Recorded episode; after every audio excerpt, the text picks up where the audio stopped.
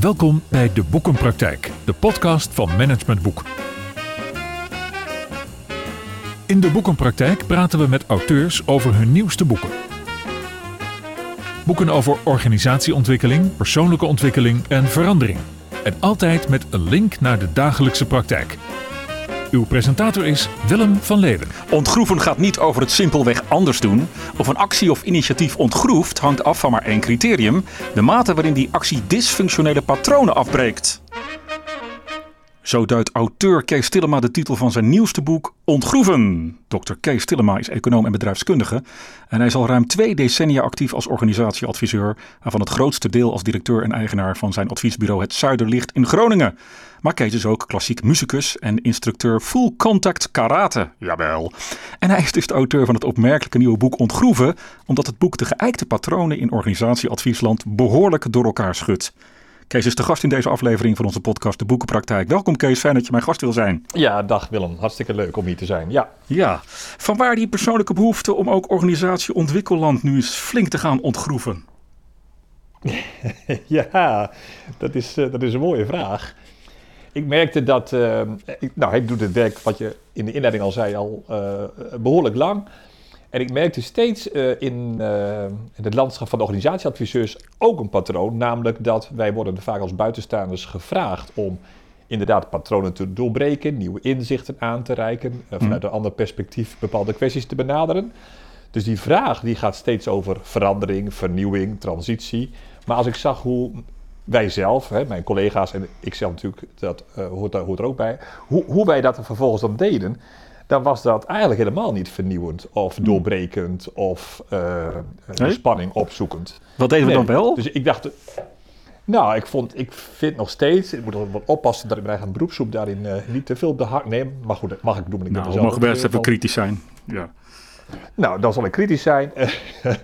um, uh, ik vind en vond dat we veel te veel nog met uh, klassieke aanpakken, klassieke vragenlijsten, klassieke methoden, uh, klassieke benaderingen uh, proberen om organisaties te ontgroeven. Nou, dat, dat wil niet. Je ja. kan niet met uh, oude instrumenten of, of hè, oude manieren van werken iets nieuws bereiken. Dus ik vond dat het ook tijd was om ons eigen vakgebied dus, te ontgroeven inderdaad. Ja, want die klassieke aanpakken en die klassieke patronen, wat typeert die klassiekheid ervan? Is dat gewoon dat je denkt dat het allemaal maakbaar is van A tot Z volgens een stappenplannetje of zo?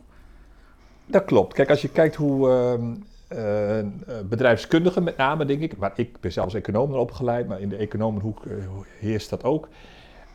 als je kijkt naar de principes die onder die manieren van denken en werken en opleiden zitten, dan ik breng ze steeds terug naar drie. En één is inderdaad, het veronderstelt een enige mate van stabiliteit. He, dus dat de wereld stabiel is en dus ook dat organisaties stabiele entiteiten zijn. Mhm. Nou, kun je vandaag de dag een groot vraagteken bij zetten. Twee is beheersbaarheid. Hè. Het veronderstelt een bepaalde mate van beheersbaarheid. Met name bedrijfskundigen die zijn zeer, zeer sterk opgeleid vanuit de opvatting dat je organisaties moet of kunt of wilt beheersen. Ja. Dat is de tweede. En de derde is inderdaad de voorspelbaarheid. Hè. Dus dat vind ik altijd zo fascinerend als we het hebben over bijvoorbeeld nieuwe strategieën ontwikkelen, nieuwe plannen maken, scenario's, budgetteringen, begrotingen. Mm. Dan veronderstelt dat, hè, dus zonder dat we het er goed over hebben, maar het veronderstelt bij voorbaat dat jij de toekomst kan voorspellen. nou, die drie ja. thema's, ja, god, ik, la, laten we voorzichtig zijn, maar daar kunnen we op zijn minst ernstige vraagtekens bij zetten. Terwijl als je kijkt uh, hoe we vervolgens aan de slag gaan, dan zetten er geen vraagtekens bij, maar dan veronderstellen we dat die thema's waar zijn. Ja, nou, we hoeven denk ik ook niet zo voorzichtig te zijn, hè? want uh, terecht staat op de achterflap van jouw boek, dit is een ongemakkelijk managementboek. Dus misschien moeten we ook gewoon die ongemakkelijkheid even aangaan in dit, uh, in dit gesprek. Um, voor de mensen die het niet weten, die het boek ook nog niet gelezen hebben, waar, waar heb je het over als het gaat over ontgroeven? Waar staat dat voor, die term? Ja, ontgroeven staat wat mij betreft uh, voor uh, het, uh, het aan de kaak stellen van dingen die niet meer werken in organisaties. Noem het patronen, noem het gewoonten, noem het gebruiken, noem het werkwijzen. Mm. Dat is één, hè, dus de, de, de moed en de openheid om die aan de kaak te stellen. En het tweede is, en, en daar word je ook creatief, hè, voor de eerste is moed nodig, voor de tweede is creativiteit nodig, is om met ideeën te komen eh, om daar een mooie schaalsprong in te gaan maken, om daar een stap voorwaarts in te maken. Dus het gaat steeds over twee zaken, wat mij betreft. Eén is de, nou ja, het, de moed, zou ik haar zeggen, om dingen aan de kaak te stellen. Dat is vaak al heel erg lastig trouwens. Maar dan ben je er nog niet. Je ontgroeft pas echt als je de. Nou, in mijn boek gebruik ik vaak de term verbeeldingskracht. Hè? Dat is nog Mhm. weer wat anders, denk ik, dan creativiteit. Maar de verbeeldingskracht bij elkaar kan mobiliseren. Van hé jongens, maar stel nou eens dat. Ja. Nou, en dan puntje, puntje, puntje, puntje. hè. Stel nou toch eens dat we dit gaan doen. Of dat we dat eens zouden verkennen. Of dat we, dat eens, dat we daar of daar eens afscheid van zouden kunnen nemen. Ja. Nou, ik denk als je die twee dingen eh, naast elkaar legt, dat je dan aardig bezig bent om te ontgroeven. Dat vraagt volgens mij ook best wel iets van de persoonlijkheid van een organisatieadviseur. Hè? Want ik kan me zo voorstellen, ook een beetje uit eigen ervaring, dat als je een organisatie binnenkomt en je komt bij de directie of de directeur, ja, die zitten helemaal niet te wachten op dingen aan de kaak te stellen, toch? Die willen liever dat je, Nee. dat je met ze meepraat. Ja, dat, eh, dat is een spijker op zijn kop, Willem. Dat is ook zo. En ehm, daar heb ik natuurlijk alle begrip voor. Ik bedoel, ik zit zelf ook in die rol. Ehm, maar ik denk eerlijk gezegd wel eens dat, dat als je, nou ja, dat je eigenlijk... Ik denk dat je geen, geen knip voor de neus waard bent als je op zijn minst niet die verkenning met je opdrachtgever aangaat. Hm. Kijk, de knuppel in het hoenderok gooien, eh, dat, dat hoeft van mij betreft ook niet. Want je, je- ik, denk altijd van, ik ben er om iemand anders te helpen en niet om knuppels in het hoenderok te gooien. Mhm. Of om dingen kapot te maken. Maar je moet wel als organisatieadviseur, trouwens ik denk ook vaak vanuit staffuncties, hè, een, een, een HRM'er of een ICT'er uh, of een controller. Je moet wel op zijn minst dingen aan de kaak durven, uh, durven stellen. Ja, ja. En dat groef, hè? want ik, ik moet denken aan, aan de, de, de, de, de langspeelplaat van vroeger, hè? die dan in een bepaalde groef bleef lopen. Daar, daar is dat woord groef, denk ik, komt ook vandaan. Dat klopt. Ja. Dat was de, de, de beeldspraak die gaandeweg ontstond. Hè. Je, je voelt. Het is Ja. vaak meer een gevoel dan wijsheid trouwens, hoor, wanneer je in een groef zit. Ja, Het is vaak helemaal geen rationele onderbouwing voor, maar je voelt hè, het loopt niet lekker, het Ja. zit vast. Hè. ja, ja, We, we, zetten de, we, we, we hebben ze- eh, elke keer weer dezelfde mantra's of eh, we delibereren onze eigen stokpaadjes continu, maar het stroomt niet door of het beweegt niet of de muziek gaat niet verder en dan blijft die naald inderdaad steken. Ja, en wat is dan toch dat, dat wij als weldenkende mensen in organisaties, terwijl we dat aan ons water voelen, eigenlijk dat we in die groef eh, blijven, blijven dansen en blijven bewegen. Waarom blijven we dat dan toch doen? Want we gedragen ons eigenlijk best wel volgzaam dan. Ja, dat klopt.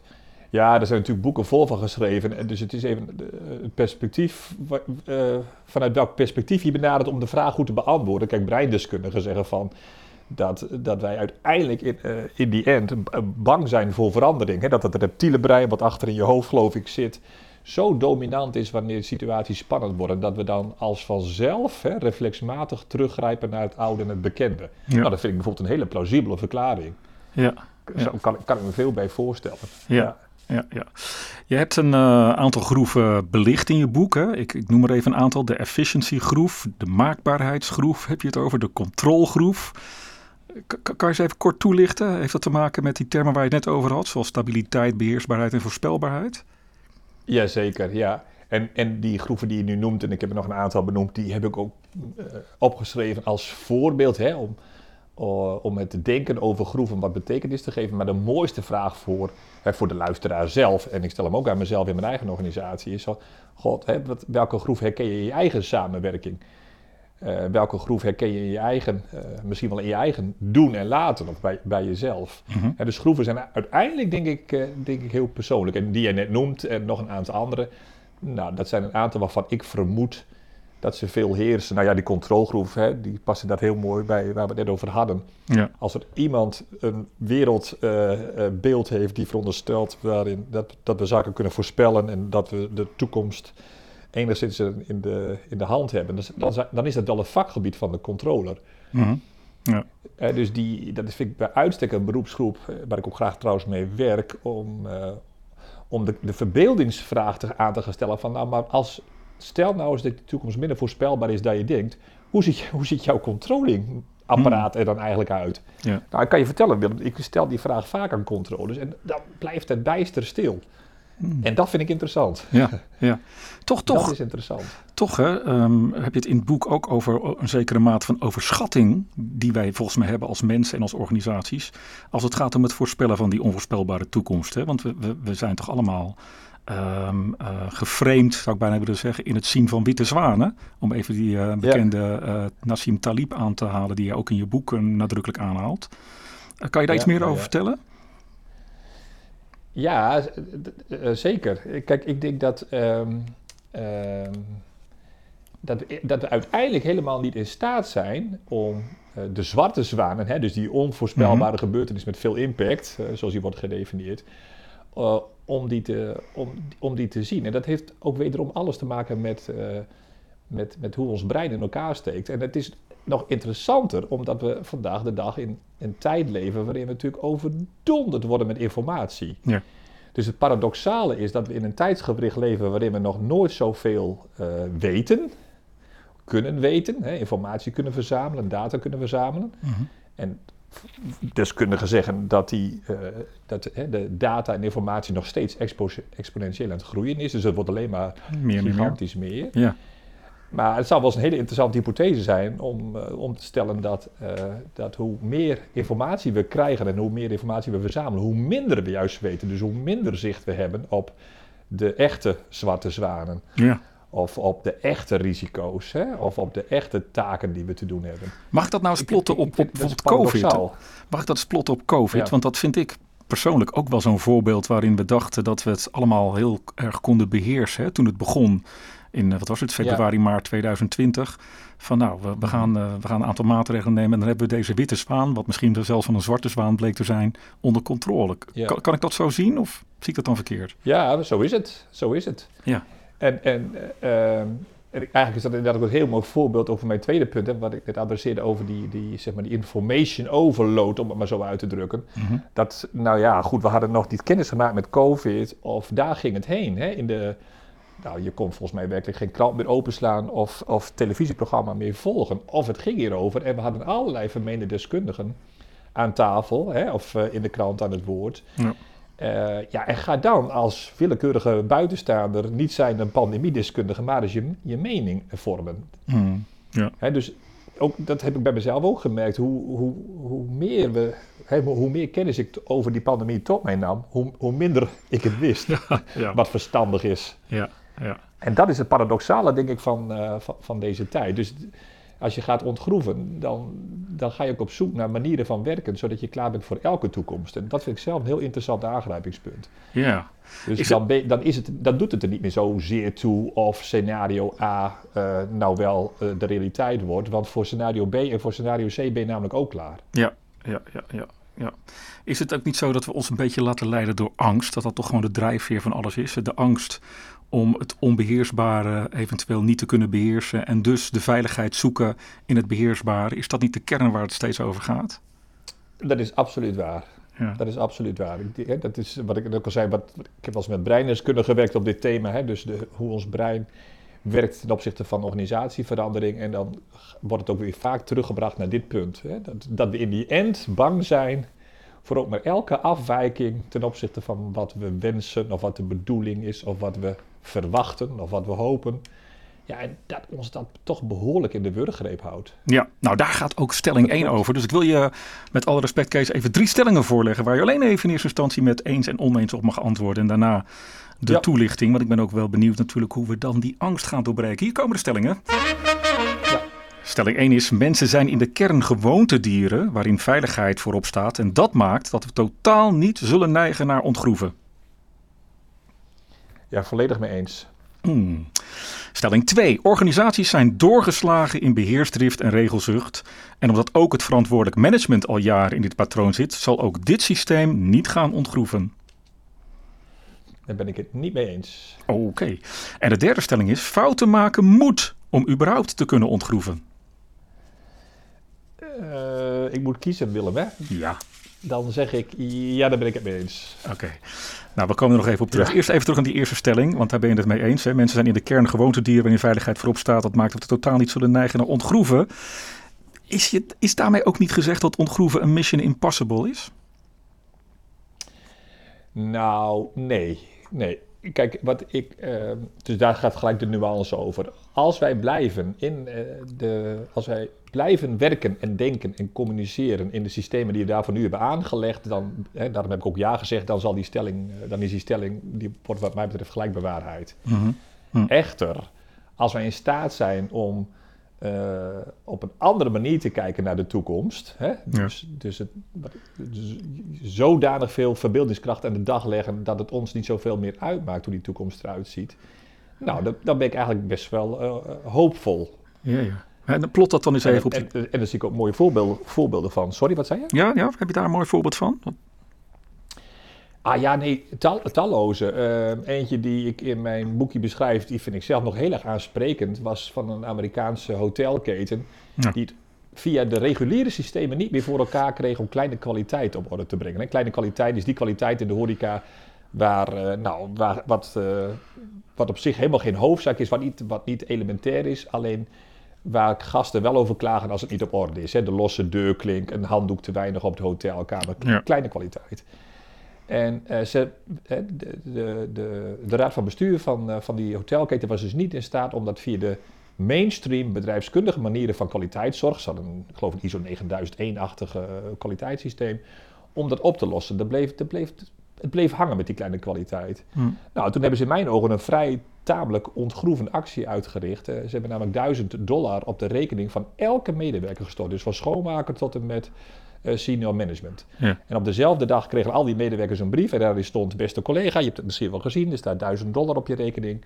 Dat geld is nu van jou. Hè? Dat was de ontgroevende beweging, ze konden ja. niet meer terug. Ja. Maar we hebben ook een verzoek. Wil jij dat besteden aan kleine kwaliteit? Met vriendelijke groet de raad van bestuur. Nou, die, die, die move, dat is een eclatant succes geworden. Maar wat gebeurde er? Mensen gingen met elkaar aan de praat over hoe ga jij je duizend dollar eigenlijk besteden? Mm, ja, ja. Uh, er ontstonden kleine coalities van uh, meerdere hotelmedewerkers die samen een briljant idee hadden, die niet voor duizend dollar realiseerbaar was, maar wel voor 6000. Dus die zeiden tegen elkaar: wij gaan onze centen uh, bij elkaar doen in een pot en we gaan ons idee daarvan realiseren. Ja, mooi. Er ontstond via sociale media, gingen ze elkaar inspireren met ideeën over hoe dat geld te besteden. Dus kleine kwaliteit, wat helemaal geen thema was, werd in één keer. Een, uh, een, een, breed gedragen thema. Nou, dat vind, vind, ik een magnifiek voorbeeld. Ik wou dat ik mezelf bedacht had van, uh, van ontgroeven eigenlijk. Ja. Zou, zou dat ook niet, misschien moet je niet, niet, niet dat soort best practices één op één plotten op andere organisaties. Maar ik zit even te denken toch nog aan die toeslagenaffaire bij de Belastingdienst. Hè, wat, wat, wat in ja. mijn beleving heel erg gaat over een doorgeslagen beheersdrift en regelzucht.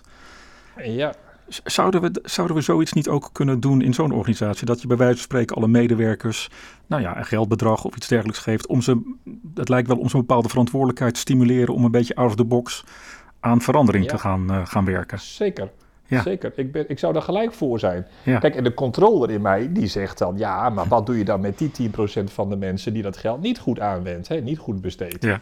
Dat is hoe een controle denkt, hè? of uh, überhaupt hoe, hoe, hoe, managers vaak denken. Dus die richten zich op de uitzondering. Ja. En, en, en uh, eendachtig het voorbeeld van die Amerikaanse hotelketen. De raad van bestuur heeft bijvoorbeeld gewoon gezegd, daar doen wij niks mee. Daar, daar gaat geen aandacht naartoe. Dus die mensen, in mijn voorbeeld schijnt, schijnt dat 2% overigens maar zijn te zijn geweest. Mm. Daar maken wij ons niet druk om. Nee. Dus je, je legt de focus op die mensen, dat is meestal het leeuwendeel, die nou, die er wel goed mee omgaan, die het goede met het bedrijf voor hebben. Ja.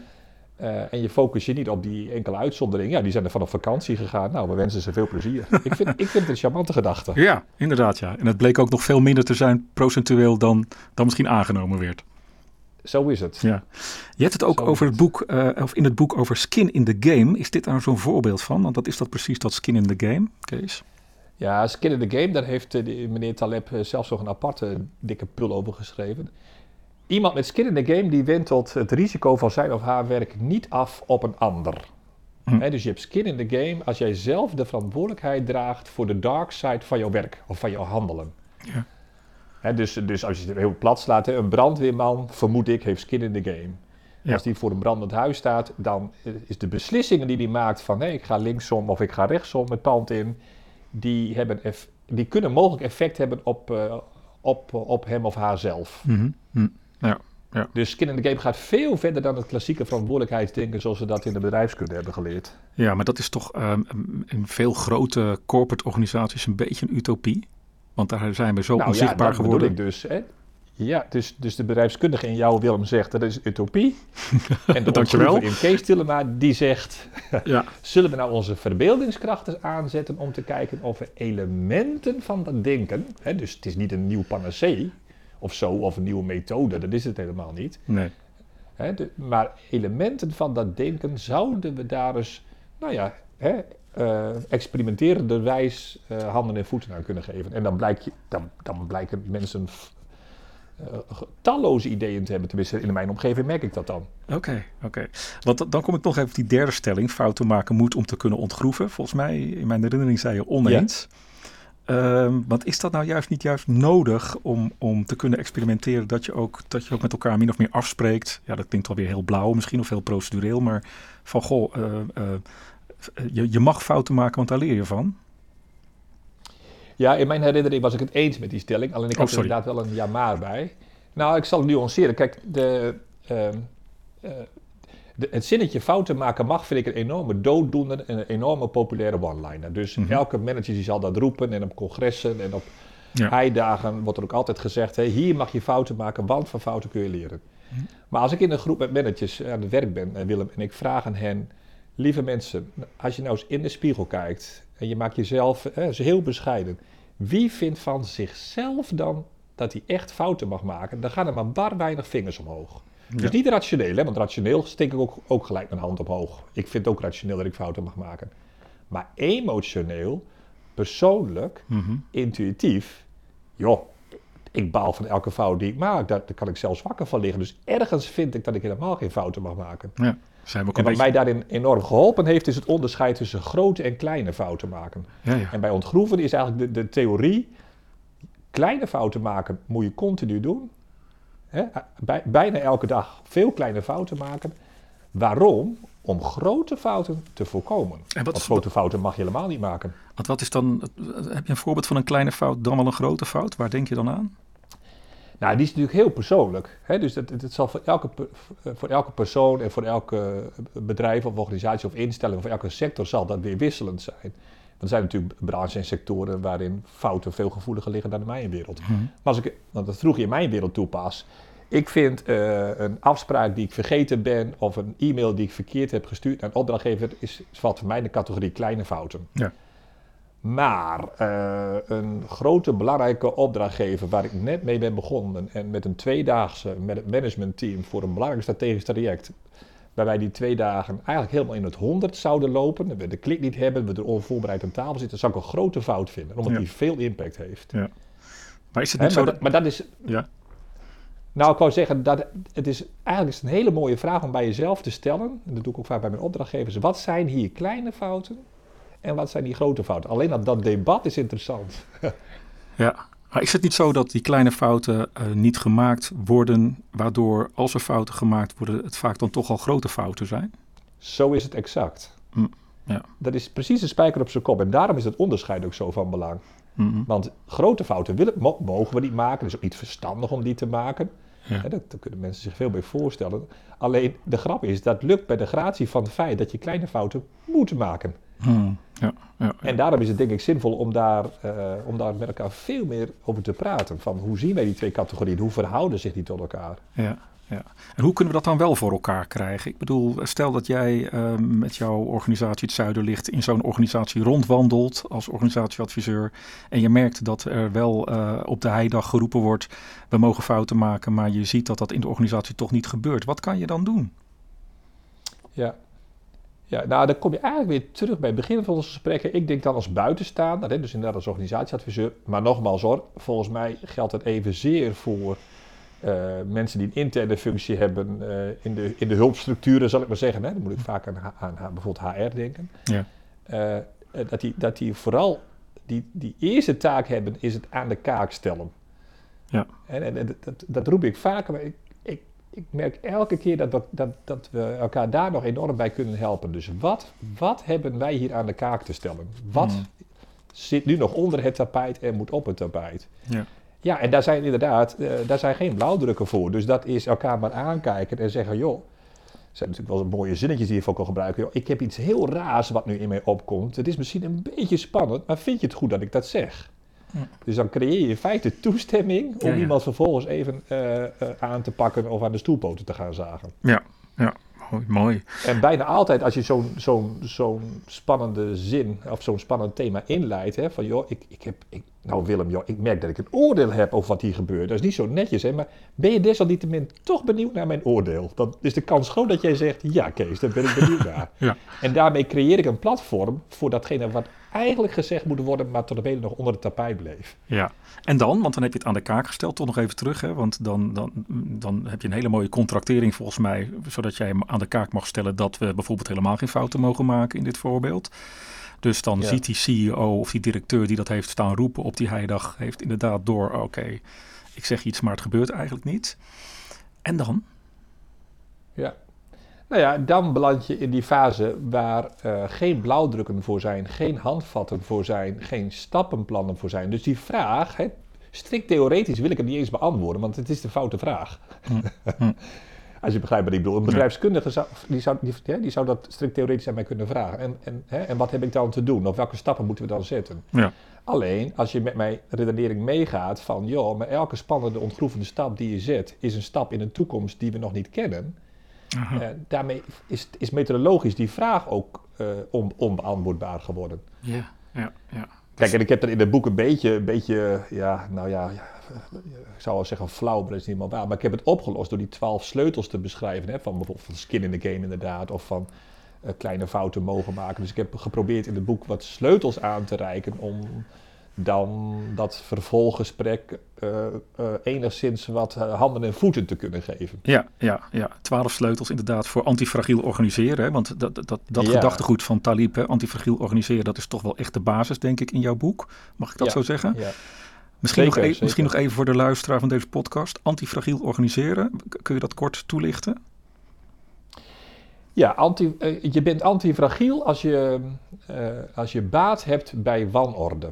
Mm. Hè, dus de, de idee is dat, eh, dat wij mensen en dus ook onze organisaties, dat dat fragiele entiteiten zijn. Ja. En fragiel betekent het functioneert uitstekend, maar binnen bepaalde bandbreedtes. Hè, dus ik, mijn, mijn lijf op dit moment functioneert uitstekend. Maar ja, god, het zou maar zo kunnen zijn dat ik straks een, eh, een eh, verkoudheidsaanval krijg. Hè? En dus wanneer het buiten de bepaalde bandbreedte valt, dan eh, functioneert het ineens niet meer. Dat, Ja. dat is iets fragiel. Ja. Organisaties zijn daarmee dus ook fragiele entiteiten. Hè? Er hoeft maar iets te gebeuren wat we niet hadden voorzien en het gaat anders dan we hadden verwacht. Ja. Nou, de reflex is, wij houden niet van fragiliteit, hè? waar jij het ook al over had. Hè? De- we zijn er uiteindelijk wat bang voor zelfs. Dus wat doen wij? Wij maken dingen robuust. Mhm. Dus we maken stevige organisaties en we hebben veel procedures. eh, we hebben arbeidscontracten, want we willen wel een beetje zeker zijn dat ik volgende maand ook salaris krijg. Ja. We sparen voor ons pensioen. Hè. We doen van alles om die fragiliteit het hoofd te bieden. En dan komt die, je bent antifragiel, dus dat is eigenlijk nog een derde stap. Hè, van fragiel naar robuust naar antifragiel. Als je zegt van ja, maar hoor eens even, die zoektocht in, om dingen robuust te maken, daar, daar is op een gegeven moment uitgewerkt. En daardoor kom ik in groeven terecht. Ja. Daardoor worden eh, procedures worden leidend in plaats van de klant. Ja. Ja. Nou, dan is het zinvol om soms door die robuustheid heen te breken en iets, nou dat doe je ook als je antifragiel werkt, iets kapot te maken, aan de kaak te stellen, te doorbreken. eh, om, te, om, om dan maar eens eh, te gaan ontdekken waarin, waarin je dan belandt. Ja, oké, mooi. Een van die sleutels, hè, want ik vind taal ook heel erg mooi eh, tot uitdrukking komen in jouw boek. Neem alleen al het woord ontgroeven, maar een van die sleutels heet bij jou intelligent knutselen. Ja, ja. Kan je ja het moeilijke woord daarvoor is eh, bricolage. Dat heet bricolage. Ja. Ja, dat vond ik zelf zo charmant. Als je kijkt, dat, dat, als je kijkt naar welke ingrediënten vaak om mensen en teams en eh, organisaties heen zijn, dan, dan, dan is dat mega veel. Mhm. Dus, dus ingrediënten om een verandering te bewerkstelligen. Hm. Alleen wat wij vaak doen is dat we, of wat wij, ik zeg het eigenlijk verkeerd, wat we eigenlijk niet doen is goed kijken naar wat er allemaal aanwezig is om te kunnen ontgroeven aan gedachten, aan creativiteit, aan mensen, aan netwerken. Mhm. Eh, dus we gaan eh, we zijn vaak heel slecht in staat om alle hulpbronnen, om het maar even zo uit te drukken, die om ons heen zijn, uh, om die te benutten bij een verandering. Hm. En bij bricolage, dat is inderdaad intelligent knutselen, dan knutsel je eigenlijk zonder dat het je geld kost. Um, simpel voorbeeld, ik had laatst een ingewikkeld gesprek. Dat, we kwamen daar niet zo goed uit. We waren met een opdrachtgever. Hè, dus we, ja, we keken elkaar en zeiden, ja, ja, ja nou, hè, even zoeken wat nou de vervolgstap is. En toen hebben we, aan, hebben we elkaar toegezegd van we gaan een vervolg op dit gesprek plannen. En beste opdrachtgever, jij neemt drie mensen mee uit volstrekt onverwachte hoek. En Kees Tillema, jij doet dat ook. Dus het volgende gesprek zaten we met, uh, met acht mensen. Hè? Drie personen van mijn opdrachtgever, drie personen. En dat was een dominee, er zat een fysicus bij. Nou ja, ik kan wel even doorgaan. Maar in ieder geval, er zaten allemaal mensen bij die jij niet had verwacht bij dat gesprek. En ik ook niet. Nee, nee. En toch hebben wij afzonderlijk van elkaar gezegd... God, maar dit zouden wel eens hele interessante mensen kunnen zijn bij dit vraagstuk. Ja. Nou Willem, we hebben drie uur met elkaar gesproken. En dat gesprek, ik denk dat ik mijn leven lang niet weer vergeet. Mooi. Ja. Dat, dat ontstonden zoveel nieuwe ideeën en zo uh, vanuit het vrije en het creatieve denken. Er werden zulke andere vragen gesteld, er werden andere spiegels voorgehouden. Ja. Dat we keken elkaar aan en we zeiden, maar wat gebeurt hier? Wow. Nou, dat is een, even een simpel voorbeeld voor mij van bricolage. Ja. We hebben gewerkt met hulpbronnen die we al lang kenden, maar die nog niet in die constellatie bij elkaar waren gezet. Mooi, mooi. Nou, en dat kan ook met je netwerk, hè? dat kan ook met klanten, ja. dat kan met oud-klanten, het kan met oud-opdrachtgevers, het kan met, je, het kan met voormalige collega's, het kan met mensen van je studievereniging. Het, hè? het, het idee van bricolage is, alles is er al wat je nodig hebt. Maar het, het, het, het, mag wel iets meer out of the box. Eh, dit voorbeeld was denk ik ook heel mooi out of the box dan wat er nu gebeurt. Hè? Want bijvoorbeeld, ik zit even te denken, dat haal je ook aan in je boek hoor. Heel veel organisaties hebben het over agile en agile werken. We willen wendbaar zijn en we betrekken de klanten bij. Dus die hebben dan wel gesprekken met klanten. Maar dit gaat, deze, dit intelligente knutselen waar jij het over hebt, gaat eigenlijk veel verder. Gaat nog veel meer buiten dat patroon. Juist, ja. Want hier zit geen agenda achter. Nee. Hier schuilt geen agenda achter. Hier schuilt geen bedoeling achter. Hè? Dus toen wij bij elkaar gezeten, in mijn, in mijn buitengewoon simpele voorbeeld, dat snap ik ook wel. Toen, toen, hè, toen hebben we de echte dialoog gevoerd. En bij een dialoog hoort geen agenda, hoort geen bedoeling. Hmm. Hoeft niet tot een resultaat te leiden. En wanneer je weer in een agile-programma komt, of anderszins, ja, de, de bedrijfskunde zegeviert dan weer. Je komt nog niet binnen of je, je wordt alweer in een format uh, gedouwd. Ja, dat is niet ontgroeven. Is dat, is dat, is dat niet, uh, een beetje suggestief misschien hoor, misschien ook wat negatief gedacht, maar is dat niet ook heel lastig voor opdrachtgevers? Dat ze zeggen, en, en wat is nu de volgende stap? Of uh, wat wordt het format van deze sessie? Of dat, ze toch, dat er toch bewust en onbewust altijd weer naar zo'n soort agenda of naar zo'n soort stappenplantje wordt gevraagd? Zonder meer, zonder meer. En, en, en begrijp me goed, hè? ik bedoel, ik ben de laatste als, als econoom en bedrijfskundige die, die zich daartegen verzet. Hè? Dus ik, mhm. ik, zie de waarde van structuren, van doelstellingen en van agenda's. Hè? Dat, uh, en, en mijlpaal enzovoort. Alleen uh, op het juiste moment. Ja. En vaak is het bij, hè, dus uh, als, je wilt, als je gaat ontgroeven, dan heb je eerst die verbeeldingskracht uh, met elkaar aan te zetten. Hè. In mijn voorbeeld van daarnet, hè, met, uh, met een aantal ja. onverwachte figuren om de tafel gaan zitten. Ja, in die fase passen vaste bedrijfskundige structuren passen nog niet. Nee. En dat juiste moment, dat klinkt weer als een soort bedrijfskundige vraag, maar zo bedoel ik hem, nou misschien wel een klein beetje, weet ik niet. Maar wanneer is dat juiste moment? Is dat een gevoel wat je met elkaar hebt? Van nu moeten we toch wel een soort van, van, van stap, stap formuleren of... Ja, kijk, ik, dit is een mooie vraag hoor. En ik ben daar zelf nog niet over uit. Maar ik kan je wel vertellen wat, wat ik nu bij mezelf heb gemerkt, wat enigszins een, een goede indicator is. En dat is je emotie. Hmm. En dat klinkt misschien wat raar, hè? maar kijk, natuurlijk heb je je ratio nodig om met de, de, de, de, de, de feiten en de cijfers en de argumenten te kunnen beargumenteren dat het misschien het moment is om een stap te gaan zetten. Ja. Dat, dat, dat, dat, stappen allemaal. Maar vaak blijkt je emotie een veel betere uh, trigger te zijn, of een veel betere indicator, moet ik zeggen, van maar nu is het moment. Ja. Dus als je gaat ontgroeven, ik stel die vraag ook vaak aan mensen, is van, joh, maar welk gevoel heb je erbij? Irriteert het? Of een beetje? Of eigenlijk helemaal niet? En net zo, diezelfde vraag kun je stellen bij een ontgroevend idee. Hè? De beste toetssteen is om je heen te kijken. Dus te kijken hoe jouw collega's uh, reageren op het moment dat jij een ontgroevend idee lanceert. Ja, ja. En, en, en, en, en, en, en je weet dat je goed zit als er in ieder geval emotie ontstaat. Maar als ze je vrij vlak aankijken en zeggen, nou Willem, nou vind ik best een goed idee, daar heb je, heb je best wel goed over nagedacht. We gaan hier eens op kouwen, hè, of dat soort taal. Dan weet jij dat je niet ontgroevend bent bezig geweest. Want het, het, het, het, het heeft te weinig verrast, of het, het ontgroeft te weinig. Ja, dus het gaat toch weer over uh, geraakt worden eigenlijk in, in je hart. Dus het gaat weer over die emotie. Ja, ja, ja. ja. Yes, ja. Ik zit ook een beetje te denken aan, want wij, wij maken dus, jij bent de, de zeventiende in de rij, als ik het zo mag zeggen, Kees. Wij maken natuurlijk een serie podcast met auteurs van managementboeken over de vertaling van, van hun gedachtegoed naar de praktijk. Hoe kunnen wij nou voorkomen dat we in een bepaalde groef terecht gaan komen met dit format? Um, ik denk uiteindelijk in die end dat er maar één um, eigenschap is, of competentie of kwaliteit, waarvan ik het zou wensen dat je mensen die bij zichzelf blijven ontwikkelen uh, en bij elkaar. En dat is uh, uh, die verbeeldingskracht aanzetten in combinatie met nieuwsgierig blijven. Ja. Dus zodra de, en het is misschien een beetje een dooddoener en toch voel ik hem sterk zo, zodra nieuwsgierigheid verdwijnt, uh, ben je verloren als het gaat om uh, nou ja, werken en leven in een turbulente wereld. Dan zit je alweer in de groef eigenlijk. Dan zit je in de groef. En, ja. en, en, nogmaals, ik hoor, ik, ik hoor het open deurgehalte in mijn eigen zin en tegelijkertijd denk ik, goh, wat zou ik graag meer nieuwsgierige mensen om me heen willen hebben. Ja. dus ook, ik, ook bij mijn eigen collega's, en ik zou me er zelf moeten gaan maken, ja. merk ik dat we daar nog veel, uh, veel op te leren hebben. Werkelijk, bijna kinderlijk, Ja. naïef, nieuwsgierig zijn. Daar moest ik ook aan denken. Ja, een beetje het kind in ons. Dat is ook een open deur, maar toch, hè? We raken het kwijt. Zekers. Ja. Ja. Zekers. Ja. ja. Ja, zo is het. Goed, Kees. Nou, we zijn aan het einde gekomen van deze podcast. Dankjewel voor uh, jouw bijdrage Nou, over uh, ontgroeven. Um, ik vind het een aanrader, dat zei ik al in ons voorgesprek, het boek. Um, omdat, um, ja, het is inderdaad een ongemakkelijk managementboek in de zin van...